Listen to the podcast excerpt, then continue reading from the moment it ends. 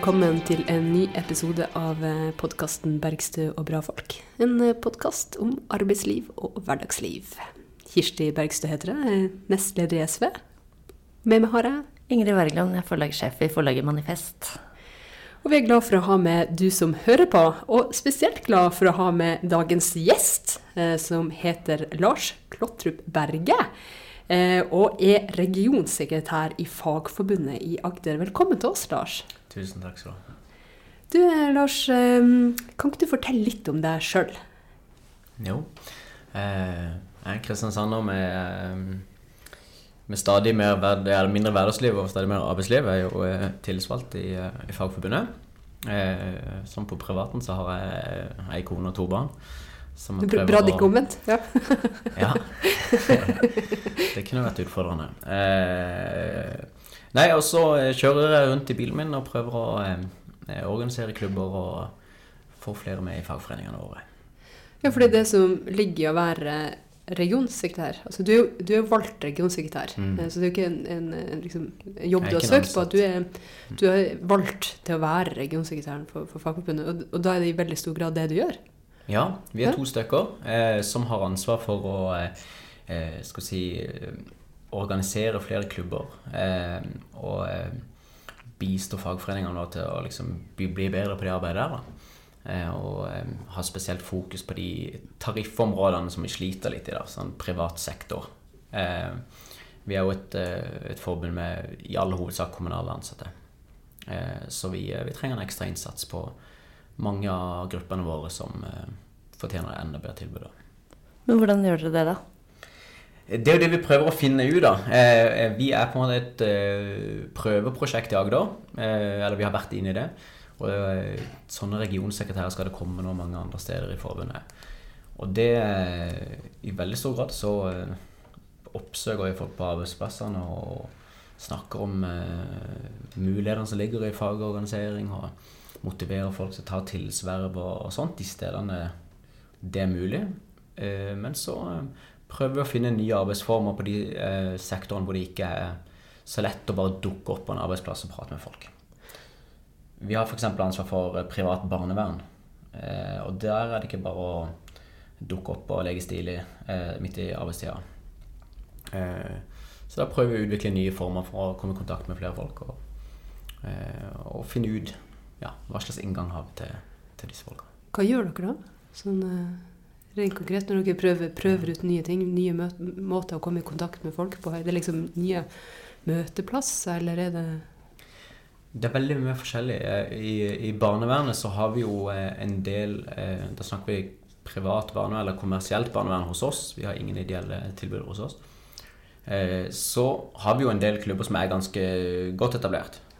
Men det er klart vi har mange steder hvor vi er på helt bar bakke. Men ofte så kjenner jo folk eh, som jobber i den sektoren, andre folk som jobber i andre selskaper og, og sånt. Så det er på en måte eh, sånn vi jobber litt sånn gjennom nettverk. da. Dere tar kontakt direkte og sier det? Rett og slett. Ja, vi ringer rundt til alle medlemmene og hører på hva de har av utfordringer, om det er noe de ønsker å eh, bidra til å få en løsning på. Om de vil ha eh, møte med oss, om de vil ha hjelpe oss med å komme i kontakt med andre eh, kollegaer og sånt. Eh, så det er en metode. Vi, vi jobber med BPA-ordninger, f.eks. Det må du fortelle hva er. Ja, eh, brukerstyrt personlig assistent. Eh, det skal på en måte være et, et, en annen måte å organisere tjenester på for, for folk som trenger ja, i all hovedsak praktisk bistand i hverdagen, men hvor de også er som regel arbeidsledere for de, for de ansatte. Da. Og det organiseres i en del private virksomheter eh, mange steder. Eh, og det er klart at der er det jo eh, eh, det er et relativt nytt fenomen, sånn, i hvert fall det omfanget vi har nå. Og da prøver vi å organisere litt sånn kafeer og eh, åpne møteplasser hvor folk kan komme og, eh, komme og høre og komme og bidra og, og bistå. Da. Og vi er opptatt av å prøve å gi at ikke folk bare skal komme og motta eh, frelser, da, men at de skal eh, eh, at skal gi muligheter for folk å engasjere seg sjøl og hjelpe sine kollegaer og, eh, ja, og bidra. Og så er det vel mange Det er jo mange som er medlem i en fagforening, og så er det ikke tariffavtale på jobben deres. Det er ikke noe automatikk i det. Så, det, så dere sjekker liksom hvor folk er? Hvor, altså du oppsøker da medlemmer, og så hjelper dem å Jeg har organisere? meter lange lister på kontoret mitt over disse virksomhetene. Eh, og vi, eh, målet vårt er jo å få tariffavtaler i alle virksomheter. Så det er jo en av de viktigste tingene vi jobber med. Eh, både i private barnehaver, innenfor barnevernet i veldig stor grad. Og ja, f.eks. nå jobber vi med dyreklinikker, som faktisk også vi organiserer. Og det å få tariffesta disse virksomhetene. Og da handler det jo ofte om å for det første få kål på hvilke avtaler som gjelder, eller hvilke som på en måte er de relevante og sånn, men det å gjøre folk trygge på at, eh, at de kan stå i det når vi krever eh, tariftale. det er det mange som trenger hjelp til. Og eh, det handler om å motivere folk og forklare folk og noen ganger trøste folk og, og, sånt. Så det, det bruker vi mye tid på. Og så er det jo ikke så mange på de arbeidsplassene. ikke sant? På dyreklinikkene f.eks. er det jo Mm. gjerne ikke så veldig mange som jobber. Og i brukerstyrt personlig assistent så jobber det jo gjerne kanskje én Ja. med ett menneske. Hvilke hvordan, hvordan utfordringer eh, eh, ser du i forhold til det?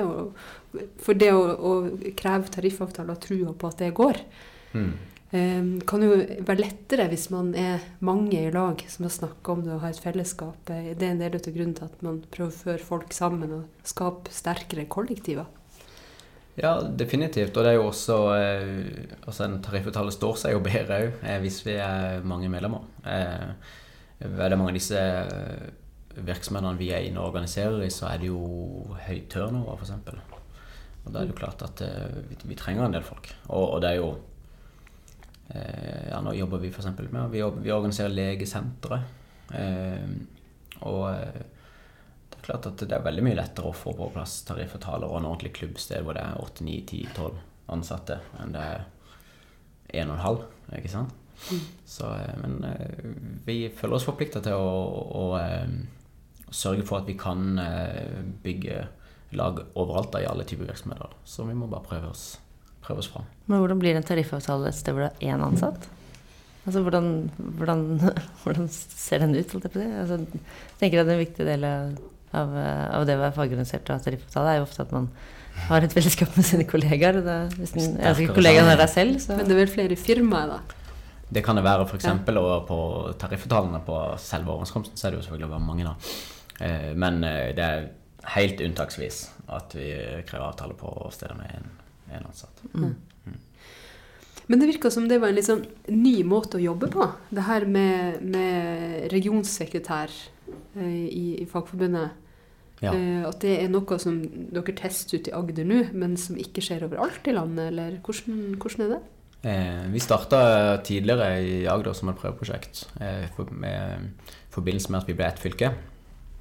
Eh, og dermed fikk frigjort litt ressurser. Så det er på en måte grunnen til at vi har starta tidligere i Agder. Men det vi prøver og feiler på, er jo bare det samme som fagbevegelsen prøver og feiler på hele tida og alltid har prøvd å feile på. Det er jo ikke noe hokus pokus, det vi holder på med. Eh, det er bare at vi, eh, eh, vi har satt av to folk til å jobbe konkret og systematisk med dette. Og litt av grunnen er jo at vi har et par og tjue fagforeninger. Vi holder jo også på med sammenslåinger av de i forbindelse med kommunesammenslåinger og sånn. Og mange selskaper ligger jo på tvers av disse foreningene, som ofte er delt opp etter kommuner, ikke sant? i barnevernet f.eks. Og det, det er lurt å ha litt, noen som koordinerer dette litt. Sånn. Så det er jo en, på en måte praktisk begrunnelse. Men eh, veldig mye av det vi holder på med, er jo det som alle fagforeninger alltid har holdt på med, alltid har slitt med, alltid har prøvd på, alltid har feila på, alltid har blitt bedre på. Og Så- ofte lykkes med. Ofte lykkes med. Ja. Det gjør vi selv. Men, men eh, ja, eh, arbeidslivet endrer seg hele tida, og vi ser at eh, vi også må fornye oss hele tida. Og da, det er det vi forsøker på å gjøre. Så Nye måter å nå folk på for å lage en sterkere organisasjon. Og Ja, og involvere klubber. folk. Det er vi opptatt av. Involvere folk på nye måter. Men det tar vel eh, en ganske lang tid da, fra du har et eller annet sånn ja, lavterskel kafémøte til det faktisk er en tariffavtale på plass? Ja, ofte. Eh, ikke alltid. Jeg tror vi, vi eh, undervurderer nok ofte den eh, liksom krafta som ligger i mange stillferdige folk til å faktisk eh, gjøre mye ut av seg og gjøre mye for andre. Og det ønsket som bor i mange for å på en måte bety noe for andre. Sånn at det, det ligger et kjempepotensial der veldig mange plasser som, eh, som er vanskelig å få øye på hvis du ikke bruker tid der. Eh, Så man må jo ha troa på at, eh, at eh, alle steder er det mulig å få til. Og det viser seg på de merkeligste stedene at vi, at vi kan få til. Ja, hvordan da? Mm. Nei, eh, jeg opplever iallfall at jeg, eh, jeg kan eh, starte med å besøke en, en liten barnehage f.eks. og være der ofte. Og som re, ja, hvis jeg bruker barnehagen som eksempel, spesielt de litt mindre, så er det jo det er jo aldri noe sånn genialt tidspunkt å komme og prate med, med de ansatte på. Det er jo alltid noe snørr og noe gørr og noe bleier og noe. Ikke? Eh, Så du må på en måte bare bruke litt tid, og du må være der litt ofte, og du må bli litt kjent med folk. Og så plutselig så, så dukker det opp en som er villig til å, eh, til å ta litt tak, og som har et ønske om å få til noe. Og så er vi i gang. Det er vel eh, Er det noen tommelfingerregel dere har på hvor mange medlemmer det må være i andel liksom, av de ansatte før dere begynner å kreve tariffavtale? Så I tariffavtalene så ligger det noen steder noen sånne eh, På våre eh, avtaler i NHO f.eks. Så, så er det 10 %-regel. Men det er ikke mer, nei? Nei, så det er jo ganske lite. Eh, Det forutsetter jo at bedriften faktisk er medlem i NHO, da. Ja. Eh, Så på noen steder så kan det være, være det. Eh, Veldig ofte eh, er jo det virksomheter som er ganske små, f.eks. dyreklinikkene. Så er det jo kanskje ikke ti ansatte. Så sånn sett så eh, har vi jo en høyere andel selv med ett medlem, men vi eh, ønsker sjelden å kreve en, eh, en tariftale basert på ett medlem. Så eh, vårt mål er jo alltid at, at, at alle skal være med. Og, og vi er også tydelige på Selvfølgelig skal det være frivillig å være med i fagforeninger, men at du vi, vi tilbyr ikke noe, noe på en måte get-abonnement eller noe. Vi, vi, på en måte, vi inviterer folk i et fellesskap som, hvor, hvor vi tenker at utgangspunktet er at alle skal være med. Alle får nyte godt av tarifftallene og de godene klubben klarer å forhandle fram. Og da er det naturlig at alle er med og bidrar. Eh, og presentere det på den måten. Og det har mange forståelse for. Og så eh, som regel får vi jo, får vi jo med i hvert fall et flertall, og ofte alle, før vi krever avtale. Hva er det du pleier å argumentere med da, når du henger rundt eh, en stakkars eh, barnehageansatt som stresser med å skifte bleie og sånn, og du skal snakke om eh, fagbevegelsens eh, sterke kraft? Du har jo jobba i barnehage sjøl, da? Ja, jeg jobber i barnehage sjøl. Ja, det var en kommunal barnehage, da. Eh, men ja, men da, der danna vi jo for så vidt eh, klubb. Eh, det er jo en gøy historie, egentlig. Jeg var jo med å starte, eller ikke med å starte en barnehage, men vi, jeg var med fra oppstarten, fra før barna kom. Da ble lagd en helt ny barnehage faktisk her i Oslo for en del år siden. Eh, og da var vi jo 30 ansatte og, og starta jo eh, hele ja, hele fellesskapet fra bånn. Veldig mange nye, helt nyansatte, helt uorganiserte. Og det var spennende. Eh, og da heiv vi oss jo litt sånn på eh, sånn og bare, Det var jo et par av oss som hadde jobba litt andre steder eh, i eh, eh, ja, industri og bygg og litt sånn, som på en måte ble litt overraska over eh, hvordan eh, Jeg hadde jo aldri jobba i en barnehage før, men hvordan det var stilt på den. Altså på det hvor, eh, hvor mye man eh, la opp til at hver enkelt skulle på en måte finne ut av det her med fagforening sjøl. At ikke det var en, eh, lagt opp til at det var en selvfølgelig del av arbeidsfellesskapet, og som, som også stilte krav til det. For det hadde du opplevd tidligere i industrien. Og i Ja, det er det jo ikke noe å snakke om. eh, eh, altså, det er jo et par som, eh, eh, som velger å stå utafor på de store Ja, i hvert fall det, der er jeg bare så Men, men, men det er, da er det jo veldig klart på at det er det de gjør. De velger å stå utafor. Mm. Eh, det er noe helt annet enn at det, det står et oppslag om hvem som er tilsvalgt, og så kan du prøve å finne henne og, melde deg inn hvis du er interessert.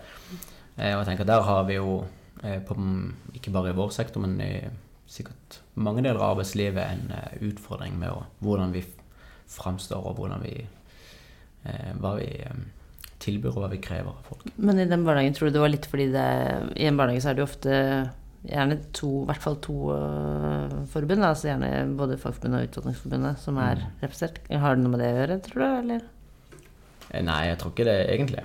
Ehm, um, nei, jeg tror ikke det er grunnen. Uh, men, uh, men Men jeg tror noe av det handler om kjønn. Uh, jeg var jo overraska når jeg begynte å jobbe i barnehage og f.eks. kunne komme inn på kjøkkenet og så se tidligvakta står der rett før barnehagen stenger og vaske og holde på. ikke vel? Eh, og, og når jeg spør ja, men skulle ikke du vært gått hjem for en time siden, så ja, men det, var, det var så rotete her. Det skjer jo ikke i manns, på mannsdominerte arbeidsplasser. Eh, Vi kvinner elsker å vaske opp, skjønner du. Vi bare kan ikke gå fra det. Nei, kanskje ikke. Eh, men, men det er i hvert fall eh, Jeg opplevde det i hvert fall som en, et så litt sånn kultursjokk å, Mm. å komme i den. Men den plikt, pliktoppfyllelsen eh, Ja, litt det der i kallet som noen tilsynelatende har, da. Og eh, når vi begynte å eh, skrive overtid når eh, foreldre ikke henta ungen sin tidsnok, f.eks., så ble det jo fort veiveldinger på ting som hadde stått i stampe alltid. Ja. Eh, så det Ja. Ja, hvordan da? Nei, da, da fikk jo foreldrene beskjed om at de måtte komme tidsnok, for de var jo ikke vant til å skrive overtid. Mm. Ikke sant? Eh, Heller ikke for den ekstra timen med oppvask. Nei, nei, nei. nei. Nei, Jeg bare skrev ikke arbeidstid engang for det, tror jeg. Eh, og det klart det handler noe om måte, hvilke forhold man har til sine egne rettigheter, og hva man, eh, ja, hva man kan forvente av både en ansatt og av fellesskapet. Men uh, tilbake til det jeg Ja. egentlig prøvde å få svar på i sted. Sorry. Nei, nei, nei. Det var jeg som avbrøt Ingrid sitt spørsmål. Du skal ikke gjøre det denne gangen. Nei, men det var det med Hva er det du, hva er det du lokker med, da, når du går rundt og gjør deg stilig, som du sa, og, og møter nye folk og, og forteller om eh, at de bør bli med i fagforeninga? Det er Det kan jo være veldig mye forskjellig, men det som er litt opptatt av, at vi skal ikke komme der og, og, og eh, selge en forsikring eller noe, noe lovnader med quick fix eh, på eh, vanskelige ting som ikke vi kan leve opp til. Eh, men eh, men eh, høre hva slags utfordringer de har, og hva de tenker burde vært gjort. Og presentere hva vi har av verktøy, vi som er medlemmer av fagforeninger, på å kunne gjøre noe med det. Eh, og da blir eh, Ja, håper jeg i hvert fall at folk blir på en måte eh, involvert på en annen måte, da. Og, og de blir iallfall ikke eh, lurt til å tro at noen skal komme og, redde dem uten at de gjør det, uten at det, vi kan innfri det. Eh, så vi er opptatt av å fokusere på de arbeidsforholdene som ligger i, i, på konkrete arbeidssteder. Ofte handler jo det om eh, ja, rett til ordentlige tillegg. Det kan handle om pensjon veldig mange steder, f.eks. i barnehagene. Eh, eh, og der ligger jo f.eks. de eh, de uorganiserte barnehavene ofte med f.eks. 2% innskuddspensjon, eh, som er jo ja, vi mangedobler idet vi organiserer de og får tariftale. Sånne ting kan jo være veldig viktig for mange. Eh, og selvfølgelig snakker vi mye om lønn. Eh, men eh, ofte handler det jo eh, på mange av våre virksomheter om å få en hånd på rattet. Mm. og få følelsen av at dette er en, en bedrift som jeg også kan være med å utvikle, som jeg kan ha, være med å bestemme over og få liksom respekt for min Ikke min, men vår, vårt syn på det, vi som faktisk jobber her. Og det Når folk får smaken på det, så, så er de ofte villige og motivert og kapable til å, til å gjøre ting. Så du merker at folk, er, folk vil gjerne være involvert og, og være med å styre jobben sin selv? Altså, jeg kan ikke komme her og si at nei, det er det ingen som er Nei, nei, men altså, Nei men altså jo, jo, absolutt. Eh, og eh, veldig mange av våre virksomheter har vi lokale forhandlinger, f.eks. For eksempel, ja? Men på arbeidsplasser med fire, fem, seks ansatte eh, som aldri har vært med i noen fagforening, og etter eh, et par måneder så er disse unge folk klare til å sitte i lønnsforhandlinger og eh, sette seg inn i regnskaper og eh, være tøffe. i gang. Og det er jo eh, ja, det er utrolig barskt. Og, veldig mange av de tar, eh, ja, tar tøffe steg. Og eh, eh, det viser jo at det, ja, Folk er, ønsker å bidra, ønsker å få til ting til, og har ofte mye eh, Sitter inne med mye som, som kan bli fint da, når det kommer ut. Men opplever du at, at eh, når du da eh, har lykkes med å, få på plass tariffavtale, og, du- og du snakker med dem på et senere tidspunkt, opplever du da at, de, at det har blitt eh, bedre på arbeidsplassen, eller, eller er det noen som opplever at det har blitt liksom konflikt av det? Hvis det har vært eh, Fordi de, det er jo ikke Hvis man har vært sjef og vært vant til å liksom styre skuta helt alene, så skal det plutselig være mange som mener noe om hvordan man skal styre sjappa. Ja, ja, Eh. Så kan jo det føre til gnisninger òg. Absolutt. Spesielt på, eh, på steder hvor du har eh, eh, Hvor eieren er tett på styringa, kan det være veldig utfordrende. Eh, så da er det litt viktig at vi også Det er jo lett for meg eller for kollegaene mine å komme og si sånn her eh, Nå skal vi ha tariffsalen nå skal du gjøre sånn, og nå skal du gjøre sånn, så blir alt så bra. Og så stikker jo jeg hjem, og så er det de som står med, med den konflikten, da. Sånn at eh, vi er opptatt av å at de skal ha realistiske forventninger til sånne type ting. Men eh, erfaringa vår stort sett er at også eh, steder der det er sterk motstand mot eh, avtaler, og kanskje også fagforeninger generelt blant eh, eh, eier slash ledelse, da, så eh, roer dette seg ganske mye etter hvert. da. Når man innser at eh, kanskje noen av tingene man hadde tenkt var annerledes enn det man så for seg. Men det er jo at eh, ja, ja, nå ble det noe tariffavtale, så kan man jo velge hvor lenge man vil gå rundt og sture over det og lage eh, konflikt sånn. Folk skal jo være i det arbeidsmiljøet sjøl òg, mange av de sjefene. Så ofte så legger det seg etter hvert. Eh, men eh, det krever jo også at tillitsvalgte er på en måte innstilt på å, å eh, la gamle ting være gamle ting og gå videre, da. Så det kan være utfordrende for mange. Jeg er glad jeg ikke skal være oppi det, da, for å si det sånn. Jeg, ja. jeg er nok ikke alltid den som er så god på det. Nei, men det er nok lettere hvis man har oppbyggelige fellesskap å lene seg på. Mm. Mm. Så det er jo utrolig sterkt å klare å jobbe på den måten. Jeg tror at det er veldig nødvendig, og kanskje noe som mange forbund og, og fagforeninger skulle hatt noe å lære av. Men i Agder så er det jo noen utfordringer som jeg, som jeg tenker at kjennetegner området der spesielt. og da tenker jeg jo da på at det er en veldig stor bruk av eh, deltidsarbeid. Mm. Eh, at det er spesielt mange som jobber i delti- deltidsstillinger der. Vi vet jo også at på, når det gjelder sånne her likestillingsindikatorer, så scorer jo ikke Agder akkurat spesielt bra. Men du sier at du mest eh, jobber med å organisere folk innenfor den private delen. Hvilke utfordringer er det dere støter på spesielt, spesielt der? Knytta til likestilling, tenker du, eller? Nei, du tenker på de generelle utfordringene. For vi hører, jo, Ja. vi hører jo ofte mye om det Ikke mye, det er jo altfor lite diskutert generelt at man har store utfordringer knytta til, til deltidsarbeid. Men, men det er jo det jeg gjerne forbinder med, Mm. med dine, eller deres medlemmer og Agder. At det er en del ut av eh, det bildet.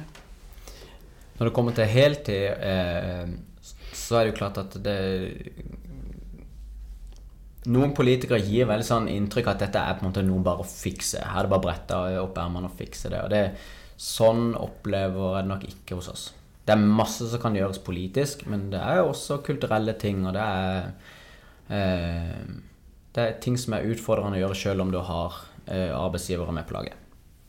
Altså det å Um, sikre heltidskultur. eh, Ja, vi har mange kommuner med fire dagers ukeskole, for eksempel. Nei, fire dagers skoleuke, for eksempel. Eh, Ja, fortell om det. Nei, det er jo fire Altså, de har gjerne onsdag fri, for eksempel. Eh, barna. Eh, På skolen, ikke på barnehagen. skolen, ja. Eh, vi har en del kommuner med det. Men, får, de, jo- får de godt nok på skolen, da? Ja, da har de lengre skoledager, da. Hvorfor har de fri på onsdag? Eh, nei, det er på en måte tanken vel at det skal, eh, du skal ha det litt den familiedagen gjerne, da. Men det er jo, eh, kan jo være forskjellige begrunnelser, men, men gjerne det er, ut, det er jo utfordrende i forhold til å få heltid fordi mødrene er spesielt, da. Eh, og det er klart det er delte meninger om. Dette har det vært alltid, liksom? Eller? Ja, det er ikke så uh, lite utbredt som man skulle tro. Eh, faktisk. Ikke bare i Agder. Nei, jeg Eh, jeg hørte litt vidt om det, men ikke- Vestlandet, Ja, eller, ja, ja. ja, det er flere plasser at man, man har det. Ja. At man har fire dagers eh, skole. ja, ja. Og det er mange Og det henger jo veldig tett sammen med en deltidskultur. Absolutt. Ja. absolutt. Og det forplanter seg jo også på andre arbeidsplasser, ikke sant? om hva som er åpent, hva man kan forvente skal være åpent, f.eks. På den skolefrie dagen og, og sånt. Av butikker og tjenestetilbud og sånt. Og så er det klart, Noen plasser så kan det jo hende at det er mange syns det er god grunn til det, hvis man har gårdsbruk eller noe sånt som man ønsker aktivt å involvere ungene i. Så det er jo sikkert en kultur som er vanskelig å få snudd også. som Men er det, er det hele Er det videregående også, eller er det bare Nei, det er gjerne bare barneskolen. barneskolen. ja. Mm. Det er litt eh, ulike modeller ulike steder. Mm. Men, men det kan være sånne ting, og det kan være et ønske fra mange, også, mange, også en del av våre medlemmer, sant, som eh, har eh, tøff dag på jobben, og, eh, og ikke nødvendigvis ser på eh, det å få enda mer arbeid som, som fritid, eller som frihet. Så det, det kan være mange det er komplekse spørsmål, men, eh, men det, i de sektorene som jeg holder på med, så har vi også mye deltid, men det er kanskje helt andre årsaker, eller det kan være eh, mye utfordringer med ansettelse. Eh, får du faktisk eh, fast jobb? Får du eh, ansettelse i det hele tatt? Eh, eller blir du eh, tilknytta på andre måter? Eh, og vi har Ja, i barnevernet f.eks. Jobber jo folk etter medleverturnus, som er jo på en måte gjerne tre og fire døgn på av gangen. med, med sine utfordringer for Bare for å skyte inn, altså Jeg er jo entusiastisk tilhenger av sekstimersdagen, så jeg har ikke noe problem med å forstå at folk ønsker å ha mer tid til noe annet enn arbeid. Det er ikke det, men altså det, som blir, det som jo er problemet med, med ja, skal vi kalle det, deltidskultur, da, eller den deltidsarbeidet, er jo at det er altså det er veldig mange rettigheter som glipper for folk. ikke sant? Og folk får veldig folk, ja, det En ting er at de får dårligere pensjon, og de får uh, ofte uforutsigbar uh, turnus. Eh, og er nødt til å jakte vakter og sånne ting. Altså det er jo det, er det som blir, blir problemene. Men, men eh, ja, er det det, det, gir burde jo gi rom for en, en stor, kam, eller stor kamplyst for sekstimersdagen da, i Agder fylke. Ja, absolutt. Jeg syns jo det. Eh, og altså, for å si det, da, så er jeg veldig tilhenger at vi skal på en måte jobbe veldig aktivt for heltid. Eh, men også for arbeidstidsreduksjon. Eh, om det er sekstimersdag eller det er andre ordninger, det, eh, det kan være litt forskjellig, tror jeg. Men eh, eh, poenget mitt er også å si at det er helt i handler om veldig mange forskjellige typer ting. Eh, mens vi er kanskje vant til å tenke at eh, de tingene vi prøver å få til, det er det arbeidsgiveren som står og vi stanger mot de da. Men når det gjelder heltid, så er det ikke alltid sånn. Og jeg tror f.eks. mange menn som jobber i, i yrker med mye overtid, f.eks., eh, så er det jo en grunn til at vi liker å jobbe overtid, er jo at eh, da er det jo mye mer penger. Eh, og at hvis man snur litt på den, så, så tenker jeg jo at eh, eh, for noen så, eh, så må man jo jage vakter og få så mye som mulig jobb for å få endene til å møtes. ikke sant? Hvis man jobber i utgangspunktet har en lav eh, stillingsprosent, f.eks. Men det er jo også et poeng at jo lavere lønna er, eh, jo mindre interessant er det å bytte ut fritida di mot arbeid. Eh, og det ser man jo, det er jo derfor eh, i mange forhold så jobber damer deltid og mannen masse overtid. Ikke sant? Fordi at det de timene han da Ja, ofrer, er det jo dobbelt betalt, da. Jo helt så- rasjonelt sånn sett. Eh, og det er klart det, Så det handler om, om kjønnsdelt arbeidsmarked, det handler om lønn, og det handler om mange ting. Mm. Eh, men vi skal nok få det til på et eller annet tidspunkt. Jeg har truffet eh, noen av dine medlemmer, eller deres medlemmer, som jobber i private barnevern, eh, noen som jobber på Ja. institusjon, og som eh, fortalte om en ganske eh, fin arbeidsdag, absolutt meningsfullt arbeid, eh, men også eh, et eh, ubehag knytta til bemanning eh, og ressurser. Eh, og det er jo innenfor den kommersielle delen av, av barnevernet eh, og, og institusjonene eh, og, tilbudet knytta til enkelte barn og ungdommer. Er, er det noe dere støter en del på? Altså, vi har jo sett over hele landet at, at underbemanning har fått fatale, fatale konsekvenser. Er, det er noe ditt inntrykk at det er utbredt, eller et Veldig mange av de eh, ansatte vi snakker om, eh, føler jo at de er ofte underbemanna på jobb. Eh, og det handler både om, eh, om tilbudet til de som eh, barnevernet er til for, eh, og at eh, det er klart I løpet av fire døgn på jobb i en, eh, barnevernsinstitusjon med en det de kaller krevende ungdom, så kan det være lange tider med veldig rolig på jobb, og så kan det plutselig eksplodere. Og, og det å da være føle at ikke du kan eh, strekke til verken for kanskje for den ungdommen eller for din egen sikkerhet. Eh, det, det, er det mange som snakker om. Eh, men òg at dette med, med, med, reell rett til hvile og til søvn og til ikke sant, ligger jo inne i den, en sånn arbeidstidsordning. Når du er fire døgn på jobb, så er det egentlig regler for når du skal ha eh, hvile og når du skal ha søvn. Og det er jo ikke alltid at arbeidsart eh, går helt med det. Og jo, flere, jo dårligere bemanning du er, jo vanskeligere er det å få gjort noe med dette. Eh, så det er bemanning og hvile og sikkerhet det er kanskje det de aller fleste har opptatt av. Og nå beskriver du litt ut av det du nevnte som medleverturnus. Ja. Det er jo ikke sikkert alle vet hva det er? Medleverturnus eh, handler jo eh, om at man skal ha en turnus som er tenkt å tilpasse brukerens behov for stabilitet. Eh, I privat sektor så jobber man gjerne tre døgn på i institusjonen, og så er man en uke fri, og så er man fire døgn på, og så en uke fri. Eh, så de gir jo veldig lange vakter om du vil, eh, men også at du bor sammen med eh, brukeren, da. Man lever med. Lever med. Men man får sove og sånn i de tre delene? Ja, det er jo tanken, da. at du skal ha både natthvile og to timer hvile på, i løpet av, ellers løpet av døgnet, da. Men det er jo eh, en utfordring veldig mange, veldig mange steder. Eh, men en annen eh, ting er jo at det, den arbeidstidsordninga den er jo ikke tariffesta. Så det, eh, den er jo i forskrift til lov. Så det er jo politikerne som bestemmer arbeidstida til de ansatte i disse virksomhetene, selv om de har en tariftale. Og det gjør jo at de jobber veldig mye mer enn i det offentlige. Så i kommersielt barnevern jobber man par og 20 døgn mer i løpet av et år enn i statlig barnevern. Uten, å Uten få noe særlig mer lønn, ofte med dårligere lønn. Eh, og det, det, er klart det er en kjempeutfordring for oss. Eh, både for de som må, må, jobbe så mye uten å få noe igjen for det, men òg i forhold til innflytelsen over arbeidstida. Mm. Men, men, hvis dere da går inn og krever tariffavtale mm. for disse, ja. hva skjer da med medleverturnus?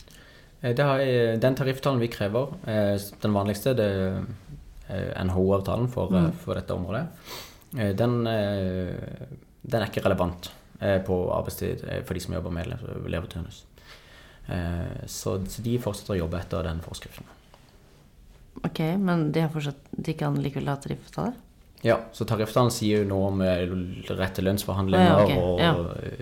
avtale, ja, avtalefestet pensjon og mange andre goder. Medvirkning. Men på arbeidstid så, så er dette utenfor vår rekkevidde. I stor grad, da. Det er små justeringer vi kan gjøre på noen ting, men det er en utfordring. Ja. Mm.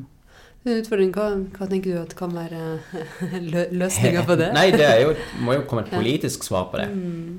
Det er jo klart det er mye delte meninger om medleverturnusen, men, det, men, men eh, det er mye positivt med sånn type ordninger også. Ikke sant? Så, eh, men, eh, men, det må helt klart gjøres noe med det etter et nytt flertall tar over. Og da må man finne ut av det i, i samråd med både brukere og de som jobber der, da. Men et, en mulighet vil jo være å knytte dette tettere til tariffavtalene. Mm. At, at det, det blir tatt inn der. Det ville jo vært det beste. Men, ja, for du var jo litt inne på det, at det springer jo ut av et ønske om at det skal være lite, lite utskifting av personell, at man skal ha en stabilitet og sånn for, for, brukerne. Men, mm. men, det man vel eh, ser, er vel at Ok, så er det kanskje stabilt i, i, noen få år, men det er veldig høy, likevel relativt høy gjennomtrekk av de som jobber på denne måten, fordi det er ganske hardt å mm. jobbe, jobbe sånn. Så selv om selv om du får en stabilitet over noen år for, for, ja. for ungdommen, da, eller den som måtte bo der. Ja, og mange steder ser vi også sykefravær som er vanvittig høyt. Mm. Men eh, hvorvidt det kan bare skyldes medleverturnusen, er jo noe helt annet. Det er jo klart det kan være eh, belastende på mange måter å jobbe eh, i den bransjen. Eh, men jeg ser jo sett at i Oslo har det jo kommet signaler på andre måter å gjøre dette med langturnuser og, og Eh, i egen regi. da. Så det blir spennende å se hva de, eh, hva de, kan få til der, og om det kan være en modell til å prøve flere steder. Mm. Altså i kommunal? I kommunal egen regi, ja. Mm. ja skal, I Oslo skal man jo avvikle kommersielt barnevern. Ja. Men da, Men da man, ser man jo også på dette med arbeidstidsordninger. Mm. For det er klart at arbeidstid er jo er jo utfordrende i, i forhold til mange bransjer, men der man jobber med, med seg sjøl, med sitt hjerte, sin tilstedeværelse, sin empati eh, og omsorg. Altså det, er jo, det, er jo, krevende å stå i mange døgn eh, med, med, omsorg hvis at det blir vold, utagering, eh, mye rus eller, eh, eller, uforutsigbarhet om man i tillegg er for få. Ja. Jeg snakka med ei som jobber i psykiatrien, som sa at av og til når hun kom på jobb, så måtte hun bare si at i dag har jeg nedsatt empati. For, fordi at hun bare måtte advare. Eh, fordi at det er varierende hvor grad, så grad man klarer å være til stede for folk. Sånn fullt ut eh, hvis du har hatt eh, sterk slitasje over tid. Og det er jo eh, en del av eh, de sidene ved den typen arbeid som kanskje ikke blir eh, tilstrekkelig hensynstatt. Fordi medleverturnus er jo veldig flott der det er funker, eh, men en voldsom slitasje der det ikke funker. Og uansett så burde man jo fått lønn for den jobben man gjør. Mm. det burde man jo. Men jeg sitter og tenker på en ting her, fordi at um, Agder er jo uh, er jo svært, eller det har i hvert fall blitt større når man har på to Agder diett. ett. Og så eh, har jo eh, Kristiansand Eliteserielag har vi fått. ja, du gratulerer med det. Takk, takk, takk, det. det. må man jo nesten si. Det er sterkt levert. Ja, ja. Du, du var så du Ja, jeg var på Åråsen og ja. ropte meg hes og ja, alt det som hører med. Ja, det er det som hører med. Ja. De gule er svart. Heia Start. Um, men dere, i, tillegg til det, så har jo eh, Kristiansand eh, fått et nytt politisk flertall. Og det, Tilfeldig rekkefølge. og det må vi jo det må vi kalle historisk. Ja. Altså, det er vel 70 år med høyrestyre. Altså Det har vært ei lang ventetid. 70 år. Altså, det er, det er så lenge, det. Bare Det er helt sinnssykt lenge. Kjenn på det alvoret som ligger i 70 år med blått styre. Altså, jeg blir helt sånn Jeg får nesten pustebesvær av å, av å si det høyt. Men det eh, vil jeg jo tro har veldig nu, Fagforbundet er jo tydelig på hvordan eh, partier man oppfordrer folk til å stemme på eh, i forhold til medlemmene sine interesser. Og da må man jo også forvente at når det blir et skifte, ja, så bør man jo også bli hørt. Hva tenker du at, at, eh, at det nye flertallet i Kristiansand vil bety for, for Fagforbundet sine medlemmer og for arbeidsfolk? Det først og fremst er det veldig spennende. Eh, vi har jo høye forventninger, men òg eh, det, det er en veldig ny situasjon for oss. Vi er jo ikke vant til å eh, ha tett kontakt med de styrende flertallet, på, sånn som mange andre har mange andre steder. Og det er en koalisjon eh, som eh, eh er fargerik på mange måter. Ja. Eh, det er mye ja, det er nye partier og nye grupperinger som er kommet inn i det flertallet som har kasta høyrestyret. Men det er jo klart det er en historisk mulighet for å, eh, for å bygge en annen politikk i, i Kristiansand. Um, og eh, foreløpig så, eh, så er det kommet en del fine signaler. Uh, det er klart vi har fått inn mange politikere som er opptatt av å involvere de ansatte, som er opptatt av å kunne se på om vi kan ha flere, uh, flere tjenester i egen regi, f.eks. å bruke og ta, dra nytte av våre egne ressurser istedenfor å, å bare um, gi disse tjenestene vekk. Uh, så det håper vi at vi kan Det har kommet signaler på at vi skal eh, forsøke å få en, eh, det de kaller en bedre balanse mellom private og offentlige barnehager, f.eks. Vi har jo et stort, stort eh, eh, Altså en stor, stor andel private og i all hovedsak kommersielle barnehager i, eh, i Kristiansand. Mye mer enn andre plasser i landet? Ja, oppimot 70 eh, og, og, det er klart at det har noe å si for, for våre medlemmers vilkår mange, i, i mange av disse barnehagene. Og det har jo også noe med å si for kommunens mulighet til å faktisk eh, ha en ordentlig og helhetlig plan for, for barnehagetilbudet. Så det Men det er veldig tidlig. Det er veldig tidlig, og vi prøver å Det stiller også store eh, Eller vi bør stille store krav til oss sjøl for å kunne eh, være med og meisle ut en fornuftig politikk for Kristiansand framover. Så det er håp som er tent? Ja, jeg tenker det. Eh, og så eh, må vi jo også det er ingen grunn til å for oss å lene oss tilbake og tenke at nå skal det eh, bli orden i sysakene. Vi, eh, vi må eh, vise oss verdig for den oppgaven vi òg. Ikke bare i Fagforbundet, men i mange forbund. Og, eh, og, eh, og eh, jobbe fram de gode løsningene. Da. Så eh, det er, det er ingen fiks ferdig plan eh, for, eh, for den nye tida som vi går inn i nå. Det er det ikke. Men en eh, god mulighet til å gripe. Eh, det å ha partier i et flertall som i hvert fall ønsker å lene seg til fagbevegelsen, lytte til arbeidsfolk, er jo et godt grunnlag for å kunne Ja, og vi har fått, jobbe i lag. og vi har fått den politiske debatten inn på et helt annet spor. ikke sant? Selv om den øh, nede i sørstatene øh, har en sånn rare ja, Foregår på en veldig rar måte. da. Vi hadde jo en eller en tidligere varaordfører fra Kristelig Folkeparti som, øh, som kalte det kommunisme, og ville ha et mål om 50 eh, offentlige barnehaver. Og Det er klart at det, det vitner om en sånn total desperasjon og en sånn meltdown eh, blant de, tidligere maktpolitikerne. Eh, men det betyr jo også at vi har fått eh, Vi er på offensiven eh, i å kunne liksom prate om, om offentlig sektor på en helt annen måte. Når de eh, setter seg så på sidelinja, på en måte. I, Ja. eh, kommer sånn tull, da. Så vet man jo at man ofte har rett, og noen kommer trekkende med sånn her Dette er kommunisme. Hva er det for noe? 50 offentlige barnehager? Skjermen løs. Ja, ikke sant. Ja. Men uh, De nå er- fleste, mange kommuner i, i Agder har jo 100 eh, Ikke sant? eh, kommunale barnehager. uh, så det er jo ingen grunn til å Kommunist-Agder, altså. Ja, jeg er kommunist. Men nå er det Arbeiderparti-ordfører Arbeiderparti-ordfører og varaordfører fra fra tverrpolitisk folkeliste, heter de. Det er et helt nytt parti som har kommet i Kristiansand. tverrpolitisk Folkeliste. Ja. Mm. Og så har vi flere partier inni Eh, Så har vi Senterpartiet, eh, Miljøpartiet, SV, Rødt eh, og fire uavhengige representanter. Som da står bak Som står bak det nye flertallet. Ja. Eh, og også det nye budsjettet som er vedtatt. Ja.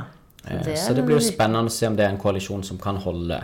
Det vet vi jo ingenting om. Det Så hva, komme mange forskjellige flertall. Hva er eh, Så opposisjonen består da av Frp, Høyre og KrF og FrP og Venstre og um, de kristne. de kristne? oh, ja. Eh, De er innom To mandater, hvis jeg Mhm. husker, to Ja. hvis jeg husker riktig. Og Demokratene, men de eh, har, har sin egen eh, sitt eget sirkus. Eh, Ja, fordi de fire uavhengige som nå støtter, støtter posisjonen, det, det er utbrytere fra Demokratene? det er utbrytere fra Demokratene, ja. Mm. Mm. Men, Men som har- har, eh, vært veldig klare på at de ønsker en, en, eh, en ny styring av Kristiansand. Mm. Men eh, har dere noe sånn bompengeparti, da? Eh, nei, ikke noe egen bompengeliste. Nei, det er ikke det det. Ja, det var det litt av hvert likevel. Rikt nok Ja, i partifloraen. Eh, absolutt, og Ja. jeg skal ikke eh, garantere for at jeg har glemt noen små noen. Eh, men eh, vi Men- har en fin flora. Gratulerer med nytt flertall. Og jeg Tusen kjenner jeg. Fagforbundet i Agder rett, så har dere vært sterke bidragsytere til det. Eh, For jeg har jo besøkt Fagforbundet i Agder noen gang og vært med på arbeidsplasser rundt omkring, og vet jo at det er en veldig eh, aktiv og og flott, flott gjeng der. Men du har jo ikke alltid vært eh, regionsekretær i Fagforbundet, Lars. Du har ikke alltid jobba i barnehage eller industrien, som vi har nevnt tidligere. Vi har jo et fast spørsmål på denne podkasten. Hva var din første jobb? Eh, jeg tror at min første jobb var sånn syklende reklamebud for eh, Nordpost. Eh, det var i hvert fall en av de første sånn litt sånn skikkel Eller hadde jo mye sånn rart små, småplukk, men, men det føltes iallfall som en, eh, en jobb jeg var ganske ofte på. Eh, Sykla rundt med store sekker fulle av reklame og delte disse ut i, I postkassene? i postkassen. ja. Når du sa sånn reklame, syklende reklame, så sa jeg for meg sånn Med sånn skilt? Ja! At du var et reklameskilt. Nei, nei. Eh, etter skolen og, eh, og sykle rundt i eh, Vågsbygda og dele ut. Hvor gammel var du da? Jeg kanskje sånn 13 eller noe sånt. Sparte du til noe spesielt, eller? Eh, sikkert ikke noe fornuftig. Eh, men jeg vet ikke, det var jo dårlig betalt, så det var jo ikke så mye å spare til. Eh, men en, et lyspunkt her er jo at en del år etter jeg slutta, så fikk jo Nordpost eh, t- tariffavtale gjennom Transportarbeiderforbundet. Eh, så nå er det jo helt andre forhold enn det vi sleit under i, eh, i regntunge gater i Vågsbygda. Så dem som sykler rundt med reklamene, det er nok en, en, en veldig annerledes jobb nå enn det det var da. Ja. Eh, både i hvem som er utføreren og hvordan eh, Jeg tror de, ja, de kjører mye mer biler. Og det Ja, hvor mye reklame Det er Posten, det, er det som skjer når man får tariffavtale. Alt blir bedre. Alt blir blir alt blir bedre. bedre. Alt blir bedre. Altså, bil er bedre enn sykkel? Hva er det du snakker om? Det er å heve over enhver tvil at eh, man heller foretrekker bil. Men det kan være mange løsninger på det. El og alt mulig. Nei, men altså, jeg vet ikke, For en som kommer fra Finnmark, så er det veldig sånn naturlig å tenke at når du kjører rundt med post, så bruker du bil. Men, men, eh, i Vågsbygda og Kristiansand så er det sikkert fullt mulig med sykkel. Ja, og det, det har nok, arbeidet har nok endret seg veldig mye. Jeg er ikke engang klar over hva, hva de holder på med for tida. Får ikke den reklamen i postkassa mi, så jeg vet ikke hvem som gjør det. Men eh, det var min første jobb. Så kult. Du eh, Lars, tusen takk for at du kom til oss. Takk for eh, praten og for at du delte av de erfaringene dere har med organisering og det som er viktig for Fagforbundet i, i, Agder. Takk til deg som hørte på. Vi håper du fortsetter med det. Gi oss for all del tilbakemeldinger om du har. Eh, Kirsti.bergsto.sv.no er min e-post. Og så gjenstår det bare å eh, ønske alle en fortreffelig dag.